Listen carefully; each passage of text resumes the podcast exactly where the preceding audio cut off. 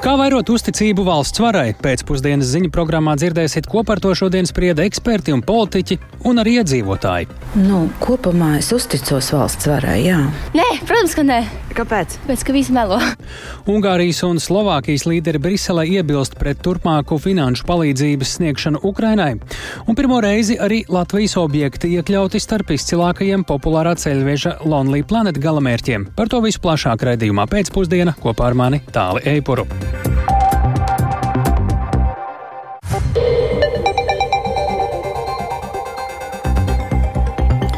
Pulkstenis rāda 16,5 minūtes, skan pēcpusdienas ziņu programmā, skaidrojot šodienas svarīgus notikumus. Studijā tālāk Eipurs. Labdien!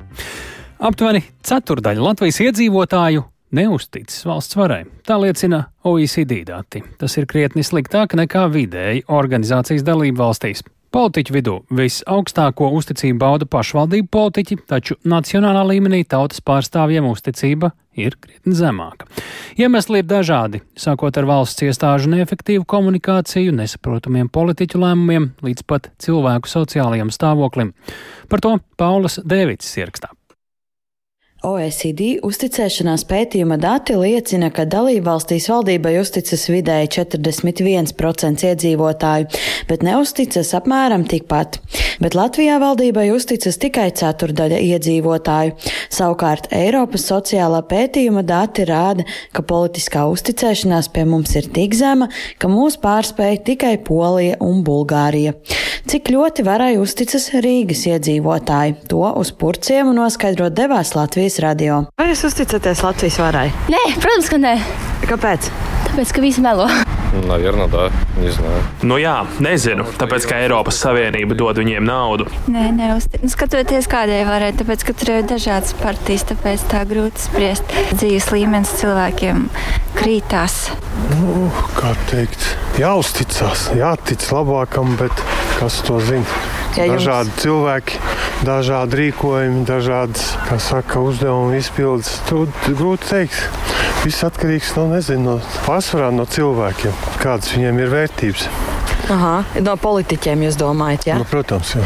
Kāpēc vispār ir būtiski vairot uzticību varai, to stāsta valsts kancelējas vadītājs Jānis Citskovskis. Ja mēs spēsim kaut vai par procentu paaugstināt uzticēšanos mūsu politiskajai varai, mūsu valsts varai, tas viss veicinās mūsu valsts attīstību. Un uh, skatoties uz šī brīža ģeopolitisko situāciju, uzticēšanās ir, manuprāt, bieži vien daudz svarīgāk par to, cik daudz mums ir tanku, ieroču vai lielgabalu.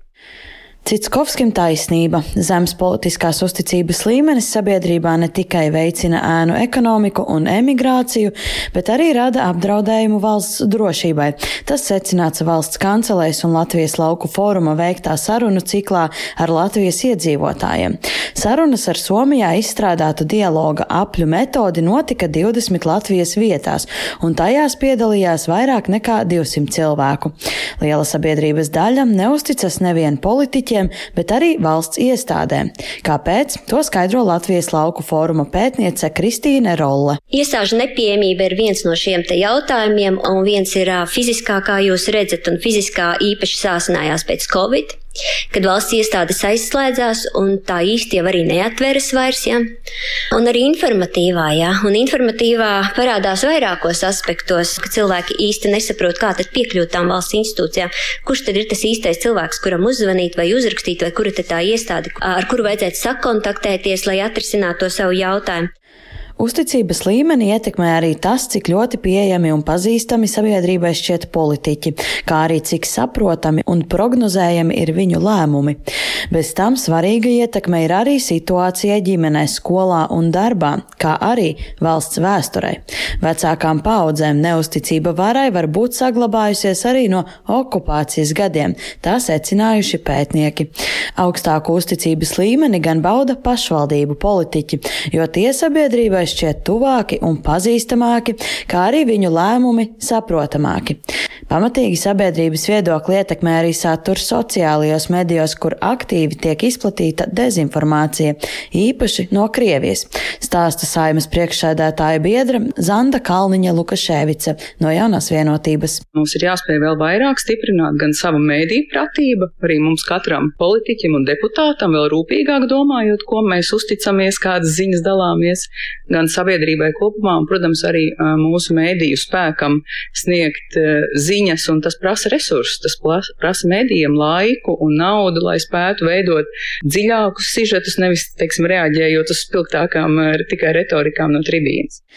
Šodien šim tematam veltītā konferencē politiķi solījās aktīvāk strādāt pie tā, lai celtu politisko uzticību sabiedrībā visos līmeņos. Paula Dēvica, Latvijas radio. Un nu, par vēl kādu neusticēšanos, ja precīzāk, neusticības izteikšanu. Atcelta Paula Stradiņa Kliniskās universitātes slimnīcas valde. Tā nolēmusi slimnīcas pagaidu padome, kur darbu sāk vien pirms trim nedēļām pēc iepriekšējās padomas atlaišanas, un šodien arī iecelt slimnīcas pagaidu valde. Tas nozīmē, ka amatu zaudējuši līdzšinēja valdes locekļi Rināls Muciņš, Ilza Kreitsberga, Jānis Nāglis un Agra Melne. Pagaidu valdes priekšsarātāja amatā iecelts Lauris Vīdzis, bet par pagaidu valdes locekļiem iecelti Džineta Henriksona un Girts Ansons. Jāatgādina, ka oktobra sākumā slimnīcas padome atlaida secinot, ka ir risks gada beigās zaudēt 46 miljonus eiro no Eiropas Savienības finansējuma. Paula Stradiņa Kliniskās universitātes slimnīcas pagaidu padomas priekšsādātais Normons Staņēvičs pie mūsu klausulas. Labdien! Labdien! Sāksim ar to, ka jaunā pagaidu padome jau darbojas kādas trīs nedēļas. Sakiet, kas tad tāds ir secināts par līdzšinē, svarīgākais par līdzšinējās slimnīcas vadības uh, tā izskaitā īpaši jau valdes kļūdām, vai nepadarīja to, ka šodien ir jāpaziņo arī par tās atlaišanu? Jā, patiešām situācija ir satraucoša, jo, kā jūs minējāt, trīs nedēļas atpakaļ mēs eh, runājām par eh, iespējamo zaudējumu Eiropas Savienības līdzfinansējumu 46 miljonu apmērā. Šonadēļ tas jau sasniedz 70 miljonus eiro. 70 miljonus. Mēs kā pagaidu padome vairāk kārtīgi tikāmies ar kolektīvu un atsevišķi ar, ar, ar, ar darbiniekiem šeit. Mēs redzējām, ka valde nav pievērsus pastiprinātu uzmanību un iesaistījusi slimnīcas personālu, tā skaitā ārstniecību un aprūpi, mērķiecīgos pasākumos un veikuši precīzas darbības, ko mēs lūdzām, lai veicinātu kolektīvu saliedētību, informātību un iesaisti. Bet uh, es domāju, ka papildus arī ir jāmin tas, ka uh, strādājot šīs uh, trīs nedēļas, mēs sniedzām vairākus uzdevumus un rekomendācijas valdei, ko mēs redzējām, kā slimnīcas valde varētu šo otrā korpusa būvniecības projektu vadību un uzraudzību uzlabot. Un patiesībā nekas, maz no tā tika ieviests. Un, Diemžēl man jāsaka ar lielu nožēlu, ka mums nebija citu iespēju kā šodien izteikt eh, neusticību, um, jo situācija ir kritiska. Mēs esam krīzes situācijā un šodien esam iecēluši pagaidu krīzes valdi, kura strādās pie faktiski zaudējumu samazināšanas un situācijas glābšanas. Kā jūs redzat, kādas ir iespējas pietiekami īsā laikā to situāciju glābt, cik reāli tas ir jaunajai tagad pagaidu valdē? Jā, nu, es domāju, ka šeit nevar būt ilūzijas, ka jautājums ir par zaudējumu samazināšanu. Zaudējumi būs, zaudējumi būs finansiāli, zaudējumi būs, domāju, arī pacientam un pilnīgi noteikti arī pašai slimnīcai. Tāpēc Mēs esam uzdevuši pagaidu valdei fokusēties uz, uz septiņiem tēmām šobrīd, un es viņas ātri varu uzskaitīt. Pirmkārt, tā ir tikšanās ar darbiniekiem, otrs ir detalizēta situācijas izpratne un struktūra vienību vadītāju uzklausīšana un iesaisti. Tātad šis, par ko mēs runājam, tātad šis darbinieku iesaisti. Eh, tāpat ir jā, jāpievērš pastiprināta uzmanība sakarā ar šiem pēdējiem konfliktiem slimnīcas organizācijas struktūra schēmai un funkciju un atbildību auditam. Uh, Un, un tad jau ir jāķerās klāt ar lielu steigu šim otrā korpusa ēkas projekta vadības, būvzraudzības un iekšējās pārvaldes revīzijai un jāsniedz redzējums, ne, mēs, ko mēs vēl varam glābt šodien. Un tāpat ir jāskatās pārējiem projektiem, ko tas nozīmē, kur ir, kas tur ir noticis un, un detalizēta analīze. Šobrīd Bet, divos vārdos, burtiski, vai jūs jā. redzat iespēju jā. tiešām no šiem 70 miljoniem kaut ko saglabāt vēl? Līdz gada beigām. Es, es patiešām es šodien uh, solījumus ne, ne, ne, ne, ne, negribu dot, bet uh, man ar lielu nožēlu jā, jāatzīst, ka īpaši optimistisks es neesmu. Paldies par sarunu. Veiksim darbā Normūns Ņevičs Austrādiņa Kliniskās universitātes slimnīcas pagaidu padomas priekšsārātais bija mūsu sarunbiedrs dienā, kad paziņots par šīs iestādes valdes atlaišanu un pagaidu valdes iecelšanu, bet par svarīgiem lēmumiem šodien diskutēja arī starptautiskajā arēnā. Briselē pirms nepilnas stundas ir noslēdzies Eiropas Savienības līderu samits. Līdztekus situācijai tuvajos austrumos tajā daudz runāts arī par notiekošo Ukrainā un par finanšu atbalstu šai valstī. Tā kā Ungārijas un Slovākijas līderi ir iebilduši pret 50 miljārdu piešķiršanu Ukrainai turpmākajos četros gados, joprojām nav skaidrs, cik ātri par to varētu izdoties vienoties. Briselē spriestiem klātienē līdz sekojas kolēģis Arķoms Konohaus. Sveiks, Arķom! Kādi ir Ungārijas un Slovākijas iebildumi un uh, vai tiek runāts, ko tad reāli šie valstu līderi varētu gribēt? Jā, labdien, tālu, labdien, klausītāji. Es ceru, ka um, sakari ir pietiekami Dzirdam. labi šodien. Jā, ļoti labi. Tad, tad tas, ko viņi patiesībā varētu gribēt, ja mēs runājam par Ungārijas un Slovākijas vadību, līdz galam nav skaidrs. Ja runājam par Ungāriju, protams, tad Viktor. Orbāns jau, jau labu laiku ir bijis skeptisks pret Ukrainu un pret palīdzību. Un šeit daudzi uzskata, ka patiesībā viņš mēģina izmantot šo jautājumu, šo 50 miljārdu piešķiršanu un budžeta pārskatīšanu kopumā, lai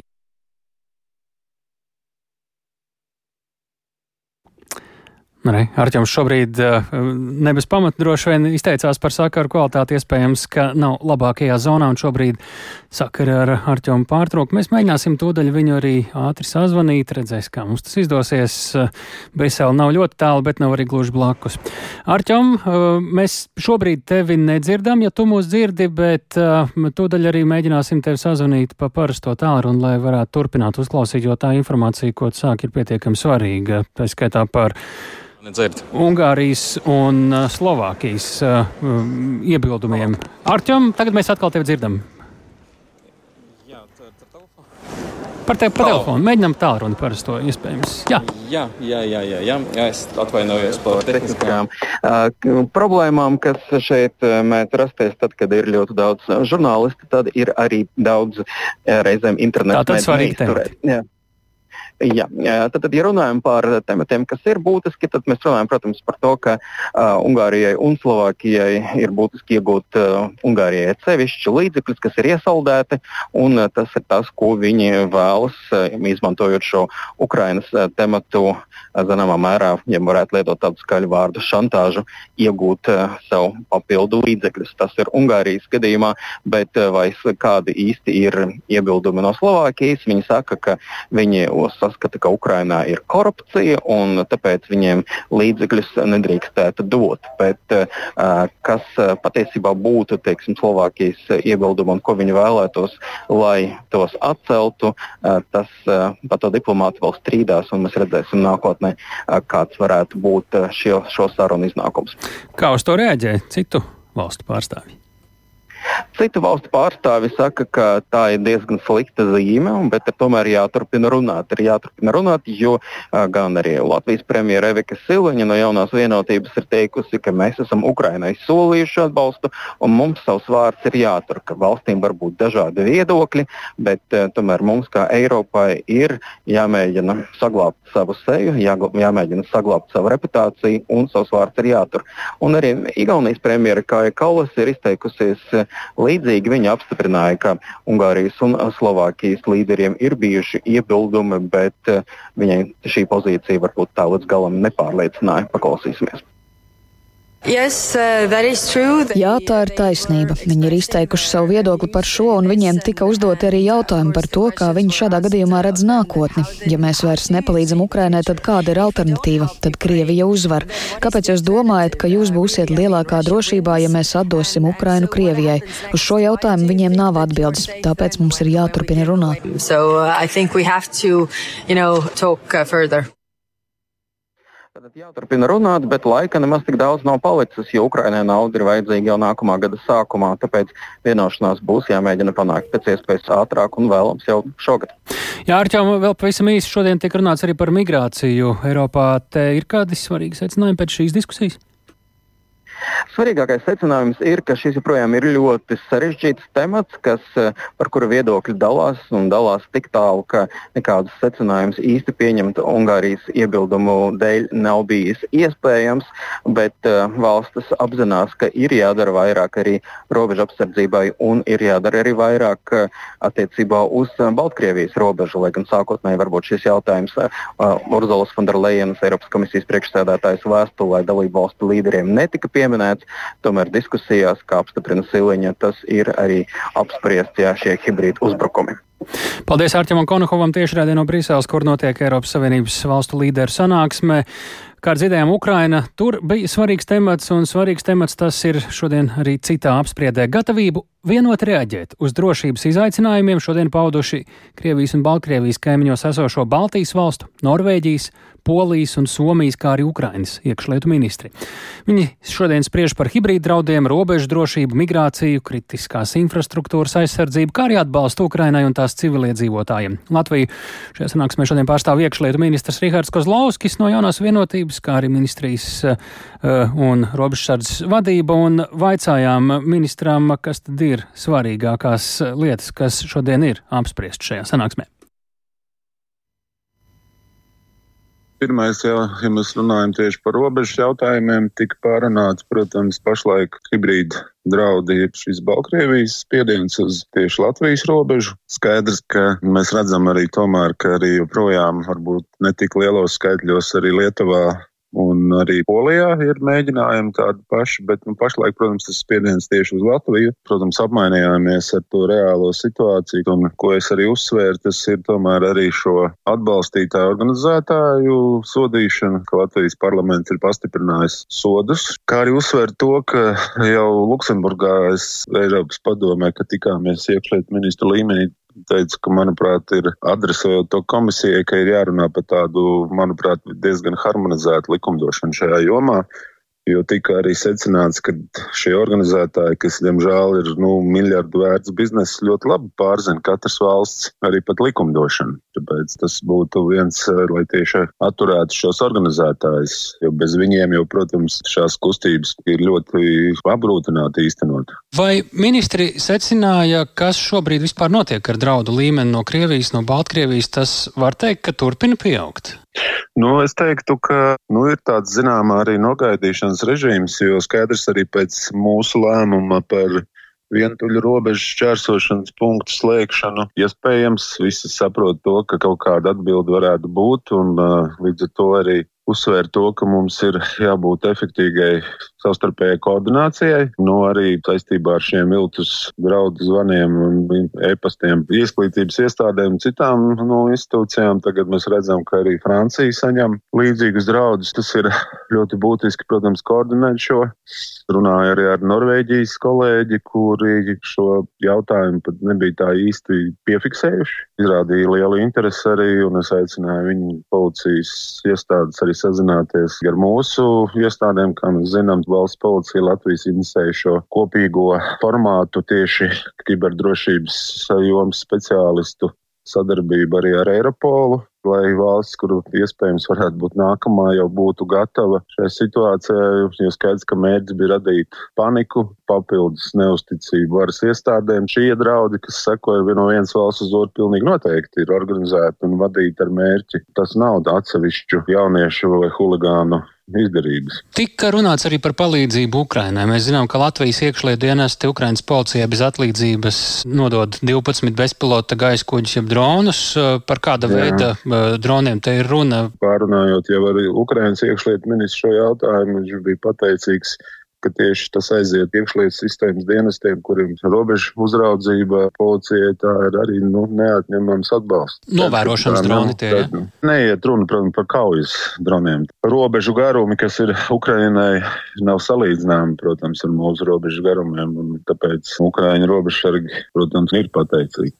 Un pats pēdējais, mēs šodien klausījāmies iepriekšējā iekšlietu ministra Mārku Čīnska secināto, ka viens no lielākajiem draudiem ir mūsu pašu budžets, ka policisti, robežsargi un ugunsdzēsēji nākamgad atalgojuma ziņā varētu būt vīlušies, ka tas varētu nebūt tāds, kā iepriekš runāts. Kā jūs komentētu šo? Skaidrs, ka tas kopējais pieprasījums, ko iekšlietu sistēma bija iesniegusi, tas bija kaut kur pusmiljardu apmērā. Es gribētu teikt, ka nākamgad, jebkurā gadījumā pieaugums būs, tas ir 20. 27 miljoni atlīdzībai plus 2,5 miljoni papildus īpaši atsevišķu vugdam. 10 miljoni ir eh, attiecīgi piemaksai par darbu intensitātes apstākļos uz robežas. Jā, šī summa, kas tika aprēķināta 239 miljoni, būsim reāli, ka mums trīs prioritātes un pirmā, nu, kas aizgāja, šī lielākā summa aizgāja veselības nozarei, bet šis risinājums, ko jau es esmu publiski teicis, es to redzu trīs gadu griezumā ir jāapzinās, protams, var iesniegt un paprasīt, bet nu, jāsaprot jau arī, ka šis finansējums, kas tieši atlīdzībai, tas pilnīgi noteikti iet uz budžeta deficītu atšķirībā no lietām, kas ir infrastruktūra, kuru mēs varam ārpus bilances veidot un attīstīt paralēli. Tā kā jā, es, protams, apzinos, ka ir pilnīgi noteikti jārīkojas. Tāpēc es to redzu, veidojot nākamo jau vidējā termiņa budžetu. Mums šī summa, kas ir nu, vairāk kā 200 miljoni, tas arī jāsaprot. Ir jāsadala šajā grafikā, kā līdzīgi mums ir pedagoģu grafiks. Nu, tāds pats grafiks ir nepieciešams pilnīgi noteikti iekšlietu sistēmai, lai mēs varētu gan glābējiem, gan policistiem, gan robežsargiem, līdz arī ieslodzījuma vietu pārvaldi nu, būtiski palielināt šo atlīdzību, un arī tur ir iekļauts sociālās garantijas, jo mērķis ir iet tomēr izlīdzināšanas ceļu, kas ir mums pašlaik atšķirība no NBS struktūras. Tā Latvijas iekšlietu ministrs Rihards Kozlovskis no jaunās vienotības, bet atgriežamies atkal pie Ukrainas tematikas. Seši bezpilota lidaparāti Šahed un viena Balistiskā raķeta Iskander šonakt izmantoti Krievijas uzbrukumos Ukrainai. Par to, kādi postījumi nodarīti, esam sazinājušies ar Latvijas radio korespondentu Ukrainā. Sveiki, Indra! Kāda ir jaunākā informācija par šīs nakts uzbrukumiem un to sakām? Labdien, jā, ja vēl vakar Krievija uzbruka tikai ar artilēriju, tad šonakt atkal bija nevien artilērijas, bet arī drona un raķešu uzbrukums. Kopumā uzbrucējs Ukrainas virzienā šonakt palaida sešus Irānā ražotos bezpilotu lidaparātus Šahed, no kuriem pretgaisa aizsardzībai izdevās notriekt piecus tādā vērtos lidojošos mopēdus, un uh, tas notika Hersons un Mikolājevas apgabalos. Savukārt Harkivas apgabalā jau pērn smagi izpostītajā izjumas pilsētiņā. Tur Krievija uzbruka ar balistisko raķeti Iskander. Tā trāpīja ugunsdzēsēju stacijā, iznīcinot ēku un ievainojot astoņus ugunsdzēsējus. Pieci no viņiem ieguvuši vidēji smagas traumas un atrodas slimnīcā. Un uh, raķetes uz, uzbrukumā sabojātas uh, arī uh, sabojāts ugunsdzēsēju ekipējums, kopumā bojājumi nodarīti 13 tehnikas vienībām. Tāpat bojājumi nodarīti arī vairākām citām ugunsdzēsēju depo apkaimē esošajām dzīvojamajām mājām. Un, kā šorīt atzīmēja Ukrainas iekšlietu ministrs Igors Klimenko, tad uzbrukums noticis dienā, kad ugunsdzēsēji Harkivas apgabalā atzīmē savas pastāvēšanas 200. gadskārtu. Krievija viņus apsveica savā stilā, norādīja iekšlietu ministrs. Nu, tikmēr Ukrainā ļoti gaida papildus militāro atbalstu Ukrainas bruņotajiem spēkiem. Un, um, Un tā arī tur, šis atbalsts arī turpina pienākt par spīti ļoti sarežģītiem apstākļiem iekšpolitiski, mēs zinām, ASV un arī tuvajos austrumos. Turpinājumā paklausīsimies Ukrainas prezidenta Volodimira Zelenska vakar vakarā sacīto. Сьогодні є рішення про два нових пакети оборонної підтримки. Šodien ir pieņemts lēmums par divām jaunām aizsardzības atbalsta paketēm no ASV un Dānijas. Amerikāņu atbalsts cita starpā ietver raķetes gaisa aizsardzībai, raķetes Himars, munīciju, tajā skaitā 155 mm. Tā kopējā vērtība ir 150 miljoni dolāru. Es saku paldies prezidentam Baidenam, viņa komandai, ASV kongresam un visiem amerikāņiem, kas novērtē brīvību. Ir ļoti svarīgi, lai brīvības pretiniekiem nerastos ilūzijas, ka brīvības aizstāvēšana var neizturēt aizsardzības maratonā. Jā, un Zelenskis informēja arī par ievērojumu Dānijas atbalstu vairāk kā 500 miljonu dolāru apmērā, kura ietveros tiks piegādāti jauni tanki, bruņmašīnas un droni, kā arī papildus artilērijas lādiņi. Tas viss ir ļoti svarīgs Ukrainas bruņotajiem spēkiem, jau palīdz turpināt uzbrukumu un glābt Ukraiņu dzīvības uh, frontē. Tāli. Jā, Indra, uh, šobrīd, ko mēs varam teikt, kāda ir situācija ar pārējo militāro palīdzību, vai tā pienāk pēc uh, tā, kā bija plānots, vai pēc grafika? Ukraiņas sabiedrotie ļoti saprotami iemesli pēc uh, tādu detalizētu informāciju, kad un ko plānots piegādāt nesniedz, taču no publiski pieejamās informācijas var secināt, ka vismaz vienā jomā attiecībā uz artilērijas lādiņu piegādi notiek kavēšanās, un tā notiek no Eiropas Savienības puses. Konkrēti aģentūra Bloomberg šajās dienās ziņoja, ka Eiropas Savienība atpaliek no pašas izstrādātā plāna attiecībā uz miljonus artilērijas lādiņu piegrā, piegādi Ukrainai līdz 2024. gada martam. Eiropas Savienība bija solījusi šādu apjomu artilērijas artilērijas slādiņu piegādāt 12 mēnešu laikā, taču šobrīd šī iniciatīva izpildīja tikai par kādiem aptuveni 30%, un um, atbilstoši šobrīd parakstītiem līgumiem šis uh, solītais atbalsts reāli varētu netikt piegādāts noteiktajā laikā, uh, tā ziņo Bloomberg. Pēc aģentūras rīcībā esošās informācijas šos lādiņus sākotnēji bija plānots piegādāt no rezervēm, bet pēcāk organizēt kopīgus iepirkumus, um, turklāt iecerēts bija arī kāpināt ražošanas spējas, bet nu, tagad atsevišķas Eiropas Savienības dalību valstis esot lūgušas pagarināt šos termiņus līguma izpildē. Paldies Indrais Prāncei tiešraidē no Ukrainas, bet nu, pārceļamies uz tuviem austrumiem. Izraels armija Gatavojoties plašākam sauszemes iebrukumam Gāzes joslā, ir īstenojusi kārtējo reidu teroristiskā grupējuma Hamas kontrolētajā teritorijā. Turpinās arī intensīvi Izraēlas aviācijas triecieni mērķiem Gāzes ziemeļos, lai arī tur joprojām atrodas tūkstošiem civiliedzīvotāju. ANO ir paziņojusi, ka humanitārā situācija Gāzes joslā strauji pasliktinās, bet starptautiskā sabiedrība ANO prātī ir uzgriezusi muguru Gāzes iedzīvotājiem. Vairāk stāsta Uldis Česberis. Izraēlas armijas pārstāvji šorīt paziņoja, ka aizvadītajā naktī bruņoto spēku sauszemes vienības, izmantojot tankus un citus kaujas transporta līdzekļus, iegāja Gazas joslā, lai veiktu mērķētus uzbrukumus pat teroristu grupējuma Hamas militārajiem objektiem. Operācijā atbalstu no gaisa sniedz arī kaujas helikopteri un droni. Līdzīgs veids notika arī naktī uz ceturtdienu. Izraēlas armija apgalvo, ka šādas operācijas ir daļa no gatavošanās plašākam sauszemes iebrukumam Gazas joslā.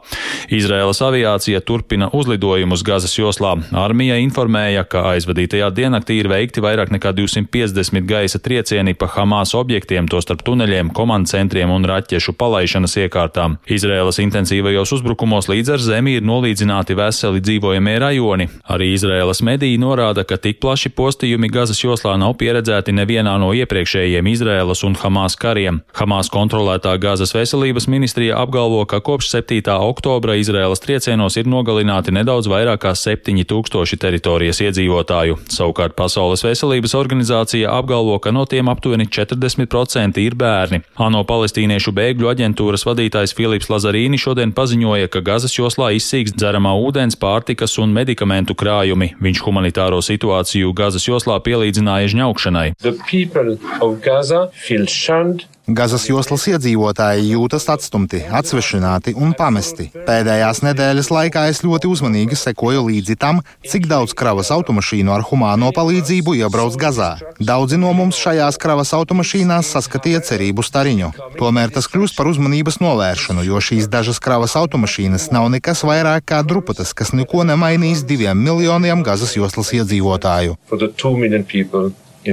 Kopš pagājušās nedēļas cauri Eģipti Gazas joslā ir iebraukušas vismaz 84 kravas automašīnas ar humāno palīdzību, taču ANO lēš, ka ikdienu teritorijā vajadzētu iebraukt ap simts palīdzības kravām, lai pilnībā apmierinātu Gazas iedzīvotāju pamatvajadzības. Arī citur tuvajos austrumos situācija saglabājas nospriegota. ASV ir veikusi gaisa triecienus pa Irānas atbalstītu militāro grupējumu izmantotām ieroču un munīcijas noliktavām Sīrijas dienvidu austrumos. Pentagona preses sekretārs Patriks Raiders paziņoja, ka Tā bija atbilde uz pēdējās nedēļas laikā notikušajiem raķešu un dronu uzbrukumiem ASV militārajām bāzēm Irākā un Sīrijā. Rēders arī sacīja, ka pēdējo nedēļu laikā tuvajos austrumos ir izvietots gandrīz tūkstotis papildu amerikāņu karavīru. Tā ir daļa no mūsu centieniem novērst plašāku konfliktu un pastiprināt reģionā izvietoto ASV spēku aizsardzību. Varu apstiprināt, ka kopš mūsu pirmā paziņojuma par papildu spēku izvietošanu reģionā aptuveni 900 karavīru ir izvietoti vai tiek izvietoti ASV armijas centrālās pavēlniecības atbildības zonā. Raiders arī atklāja, ka ASV militārajās bāzēs reģionā ir izvietoti izvietotas papildu pretgaisa aizsardzības sistēmas. Uldis Česberis, Latvijas radio. Kā zināms, uz šo reģionu Latvijas ceļotājiem ieteikts nedoties, bet eh, nu, varam runāt par jaunu iemeslu ceļot tepat pie mums. Latvijā. Top 10 valstis, top 10 reģioni, top 10 pilsētas un top 10 vērtīgākie galamērķi, kā arī top 10 ilgtspējīgākie galamērķi. Populārais turismu ceļvedis Lonely Planet, kas šogad atzīmē 50. jubileju, ar īpašu rūpību izvēlēdamies labākās ceļojuma idejas nākamajam gadam, kategorijā ilgtspēja starp desmit izcilākajiem objektiem iekļāvis arī Latvijas teritorijā marķēto jūrtaku un mežtaku. Startautiski to pazīst ar nosaukumu Baltic Trails. Tā vakar paziņojuši vienu no maršrutu veidotājiem - Lauku turisma asociācija Lauku ceļotājs. Kas sekmējis jūrtakas un mežtakas pamanīšanu tik prestižā izdevumā, klausāmies Ievas puķes sižetā. Igaunija, Latvija un Lietuva varētu būt nākošie lielie pārgājienu galamērķi. Baltijas valstīs nav virsotņu kolekcionāriem tīkamu kalnu grēdu, un garās tumšās ziemas vairāk piemērotas saunu sesijām nekā iešanai ārā, bet šeit dominējošie lauku reģioni ir mājvieta nebeidzamiem mežiem, pirmatnējiem purviem un skarbai krasta līnijai, ko ieskauj augsti Baltijas ūdeņi. Vislabāk to visu atklāt lēnā tempā, vēsta ceļvedis Lonlī Lonely Planet, lasītājiem rekomendējot jūrtaku un mežtaku, kas kartē apzīmēts ar simboliem E9 un E11.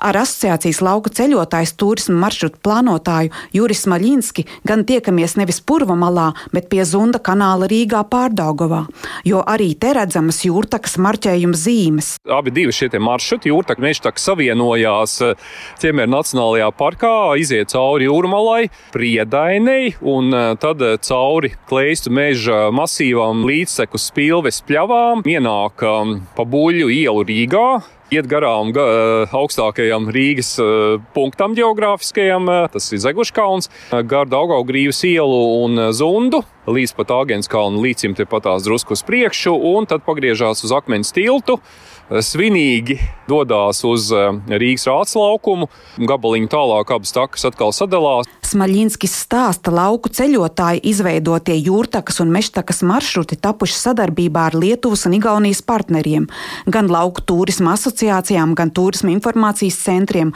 gan dabas aizsardzības pārvaldēm, kas atbild par īpaši aizsargājumām dabas teritorijām. Maršruti pārunāt ar vietējām kopienām un uzņēmējiem. Un tieši tāpēc tas ir veiksmes stāsts. Maršrutu Turklāt tādu, kas šķērso trīs Baltijas valstis, eh, nevar izveidot eh, sēžot kabinetā pie datora. Tur ir jābūt gan teritoriju apsekojumiem dabā, un tas nozīmē, ka es arī pats sākotnēji uzliekot uz kartes un pēc tam ar partneriem skaņojot šo maršrutu, jau arī esmu veicis ar kājām abus šos maršrutus no poļu robežas un kurš kāp Nīdes līdz pat eh, Ziemeļgaunijai piekrastē un Tallinai kā galvaspilsētai. Jūrtaka un mežtaka Lonely Planet izvēlēts nevien skaistās un daudzveidīgās dabas, bet arī turisma piedāvājuma kvalitātes dēļ. Ceļveža autori atzīmē, ka Baltic Trails tīmekļa vietnē ir iekļautas detalizētas kartes, informācija par reliefu, ceļā pieejamiem pakalpojumiem, maršruta marķējumu. Ar to lepojas arī Juris Smaļinskis. Ir pieejama ļoti detāla informācija, sākot ar ceļu segumu, beidzot ar GPX failu, kur var lejuplādēt uz uh, telefonu. Un uh, tas, kas ir interesanti, kad aizvien vairāk cilvēki mums uh, no ārvalstīm raksta un prasa, vai mežtaku var braukt ar velosipēdu. Un šogad bija labs Eh, piemērs, kur eh, viens puisis no Francijas, otrs no apvienotās karalistes meža taka nobrauc ar vienu riteni, jeb uniciklu. Cilvēki jautā no Polijas, vai var izjāt eh, meža taku ar zirgu. Un arī tepat Latvijā mežtakai un jūrtakai ir daudz fanu. Viena no tiem ir diplomāte Katrīna Kjaspere. Viņa ar ģimeni un draugiem kopš 2022. gada jāņem pa īsiem posmiem reizi mēnesī veic jūrtakas maršrutu no Nīdas līdz Ainažiem. Puiši izpēta, kādas ir trases, kur ir e, šķēršļi, kur ir upes e, vai nu pārbrienamas, vai ir jāmeklē, kur ir tilti pāri. Un parasti jau tā jūrtakas e, aplikācija un atrodamā informācija ir ļoti laba, ka tur parāda, kur varētu būt tādi šķēršļi, kuriem mēs pāri netiksim, un tad ir kur ir tuvākais tilts, vai tad mēs meklējam, kur var tikt šaurākā vietā pāri. Visur, kur ir būts un redzēts, bet es ļoti izbaudu to, ka arī mums ir savs skaistums un galvenais jau nu, tiešām tā neskartība. Savukārt maršrutu autori turpinot kalt plānus, kā Baltijas takas pielāgot vēl plašākai auditorijai, arī cilvēkiem ar īpašām vajadzībām. 7. un 8. novembrī viņi tiksies starptautiskā seminārā, un ik viens interesants ir aicināts pievienoties tā praktiskajai daļai. 8. novembra jūrtakas pārgājienam no Lilastas līdz Sarnikavai, aptuveni 9 km garumā. Ieva Puķe, Latvijas radio. Un nu par sportu. Latvijas un Baltijas vadošajai tenisistei Aļonai Ostāpenko šodien sezonas otrajā prestižākajā noslēguma turnīrā, kas notiek Ķīnā, atbildīgs mačs spēle pret mainieci Dženu Cimveņu. Spēles likme, dalība, eh, tātad spēles likme pietiekami augsta līdz ar to, bet vai Latvijas tenisistei uh, ir uh, izdevies šodien gūt panākumu? To mums ir gatavs pastāstīt kolēģis Mārtiņš Kļavinieks, kurš pievienojas arī šeit studijā. Sveiks, Mārtiņ! Nu, zinot, ka spēles sākums pat laikam kādu brīdi aizkavējās, vai tagad tā jau ir beigusies, vai cik tālu tā ir, varbūt ir rezultāts? Jā, sveiks, tālu un sveicināti radio klausītāji. Kā jau Aļonas uz Tapenko mačiem ierasts, tas viss nebeidzas divos setos, un, ja reiz spēle aizkavējās, tad uh, vēl jau vairāk uh, laika ir jāpatērē, tai sekojot līdz trešais sets, tuliņ tuliņ sāksies, un uh, rezultāts neizšķirts, viens viens pasētiem, vienu uzvarēja pretiniec, vienu uzvarēja Aļona tikko. Un, uh, ja esam precīzi, tad jā, tūlīt sāksies trešais sets, ah. bet uh, pirmajā Aļona zaudēja 4-6, otro savukārt ļoti pārliecinoši uzvarēja ar 6-1, ļaujot pretiniecei triumfēt tikai vienā gēmā. Ko tad nozīmē tas formulējums sezonas otrais prestižākais noslēguma turnīrs? Jā, tas varētu samulsināt klausītāju prātu. Arī mani. Arī tevi tā, un arī man tas uh, varbūt arī nedaudz mulsina, ja man ir jāizskaidro tas cilvēkiem, bet tā vienkārši sakot, ir pats prestižākais sezonas noslēguma turnīrs, kurš piedalās tikai astoņas labākās pēc ranga tenisists pasaulē, divas vēl rezervists, 9. un 10. vieta pasaules rangā. Un tad ir šis otrs prestižākais elites trofejas turnīrs, kurā tad piedalās vēl 11 pēc ranga nākamās, tātad no 11. līdz 20. vietai un viena rezervists speciālisti. Tā mm. šoreiz ir mājiņas ķīnieti, kur uzaicina tātad eh, rīkotāji. Nu, un, jā, tas ir turnīrs par prestižu. Sezonā pēdējais turnīrs. Uh, nu, Cīņa par punktiem ir beigusies, jā. bet ir, tu vari sev pierādīt šādā prestižā kompānijā, apliecināt, ka tu esi tiešām piedrīgs šai visaugstākajai līgai. Jā. Nu, jā. Vai visas otrās labākās, tā varētu teikt, no otrā desmita, bet kas tad notiek tālāk? Kādi tad ir Aļonas, Aļonas sezonas izskaņas plāni pēc šī Ķīnas turnīra, ja reiz tas ir sezonas noslēguma turnīrs. Eh, no šī eh, oktobra beigas, novembris, decembris, tā ir tā pauze, kas ir lielajā tenisā pasaulē. Ierasti, jā, tā, tā ir tā pauze, un tad eh, līdz ar to arī sākas atvaļinājums pelnītais, jo, kā zināms, jau no janvāra tenisisti parasti spēlē, tad sezona ierasti sāks Austrālijā, arī nākamā, nākamā gada ievadā tā sāksies. Tas nozīmē, ka tagad ir atpūtas laiks Aļonai Stapenko, un cik sazinājos un cik uzzināju arī no viņas komandas, tad tas, protams, arī ir plānā. Protams, ir jāpabeidz šis turnīrs ar uzvīju cerams un uz pozitīvas nots, un tad arī varēs atgriezties mājās, ielpot um, svaigu, rudenīgu, ziemīgu Latvijas gaisu un uzkrāt jaunas emocijas, un tad jau droši vien, ka decembrī atkal Aha. sāksies treniņi un atkal uh, gatavošanās nākamajai jaunajai sezonai. Um, Nu, man ir jāpajautā, mums vēl drusku ir laiks, kāda tad ir bijusi sezona jaunai. Jā, ātrumā jāiztina viss atmiņa. Jā, nu, skaidrs, ka ir bijuši gan kāpumi, gan kritumi. Kā jau mēs arī šodien redzam, um, konkrēti šajā mačā, kas šobrīd rit šajā sezonas otrajā prestižākajā noslēguma turnīrā, mm, kāpumi un kritumi. Aļona var nospēlēt izcili un ļoti labi, un tajā pat laikā arī zaudēt, kā tas bija arī Dienvidkorejas turnīrā pavisam nesen, uh, ranga sestā simta tenisistē. Viņa atgādina, šobrīd ir 13. vietā pasaulē pati. Nu, un, uh, nu, tas ir, ja emocijas ir uh, pozitīvā gaisotnē un tādā pozitīvā vektorā vērsts, citējot Latvijas futbola izlases galveno treneru Dainu Kazakieviču, tad viss var notikt Aļonas labā, bet ja nē, tad nevar. Tā arī bija pirmajā setā, starp citu, šodien, kur seši dubultkļūdas Aļona pieļāva. Tikai Ai, pirmajā setā, jā. un otrajā setā nepieļāva nevienu, un redz, rezultāts atkal ir viņai par labu. Tieši tā. Tādi... 13. vieta sezonas noslēgumā mēs jebkurā gadījumā ļoti apsveicam Latvijas tenisam. Tas jebkurā gadījumā ir ļoti augsts viennozīmīgi. Jā, un viņi atgādina arī jā, Latvijas un Baltijas labākā tenisista. Neapšaubām. Mārtiņš Kļavinieks, paldies tev. Uh, mēs sakām paldies arī klausītājiem. Šo redzējumu pēcpusdienu veidoja Tāls Eipors, Lauris Zvejnieks, Olds Grīmbergs, Mārtiņš Paeglis. Mēs tiekamies nākamnedēļ, kā jau katru darbdienu, šoreiz pirmdienā 16.5 minūtēs. Yeah.